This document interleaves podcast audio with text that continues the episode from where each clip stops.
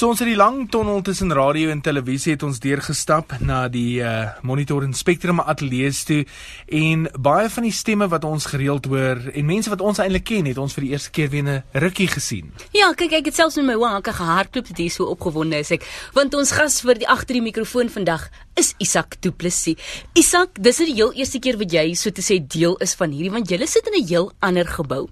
Die eerste vraag wat ek seker moet vra is hoe het jy in die uitsaai wese beland? Gaan ek op die radio wees nou. dit nee ek weet dit was 'n ongeluk. Ek het dit raak gedrink. Dis so 'n eerlike antwoord. ek het een aand in Shaisa ek was werkloos. Ek was 'n uh, oud NG predikant gewees wat ehm um, my werk verloor het. Ehm um, ons gaan nie besonderhede in nie. Ehm um, en ehm um, een aand het ek saam met Voetale en Chaisha gekuier en op 'n manier het dit so uitgewerk dat hy op die ouens my gesê het maar kom vir 'n onderhoud.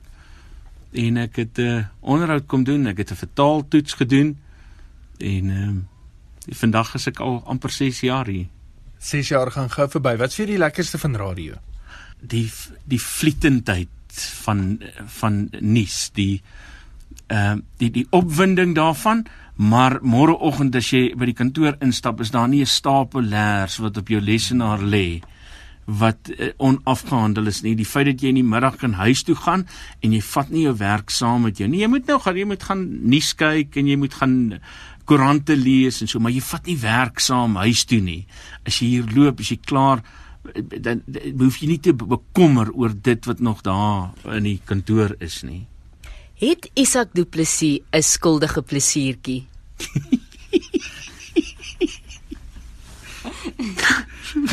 ja man. Ek het baie. Lig een uit ten minste. Ehm um, as ek wyn drink, dan kan ek nie net een glas uh, drink nie. Ehm um, as ek die aand nou vir my 'n uh, lekker pot kos maak of 'n uh, braai is of so, dan moet ek skuldig erken daai bottel ehm um, gaan nie terug yskas toe nie voordat die bodem leeg is nie. Maar weet nie of mense dit vir die volk mag vertel. Dis kultuur. Maar ek ry dan nêrens heen nie. Ek bly by my. Dis die belangrike deel. Uh, Isak, wat's vir die lekkerste plek in die land of selfs in die wêreld om net weg te kom van alles af? Suid-Afrika. dis nee dit is ek dit ek het ek was ek is ongelooflik ek was nog nooit oor see nie. Ek wil bitter graag gaan maar ek het nog nooit die geld gehad nie. Maar ek was amper in elke hoekie in Suid-Afrika al.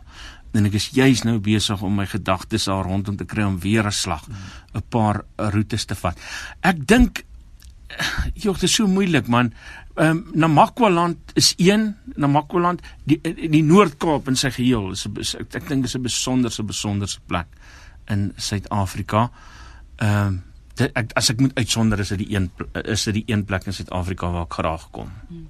Isak, jy het nou al 'n boek ook geskryf. Jy het baie boeke, jou boekrak is vol boeke. Wat is van jou gunsteling leesstof? My gunsteling boek is Unbearable Lightness of Being. Ehm um, Thomas en en Sabina is my gunsteling karakters. Ehm um, en ek ek het al ek het daai boek seker al 30 maal gelees. Die die die die enigste sekerhede in die lewe is is dit wat ehm um, hoe noem my dit is is is die twee is die teenoorgesteldes is lig en donker is swaar en lig.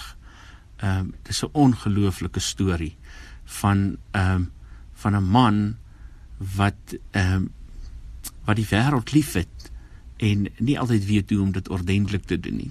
Agter die mikrofoon met Isak. Dit was nou diep en so lekker om jou beter te leer ken, Isak. Baie dankie vir die voorreg.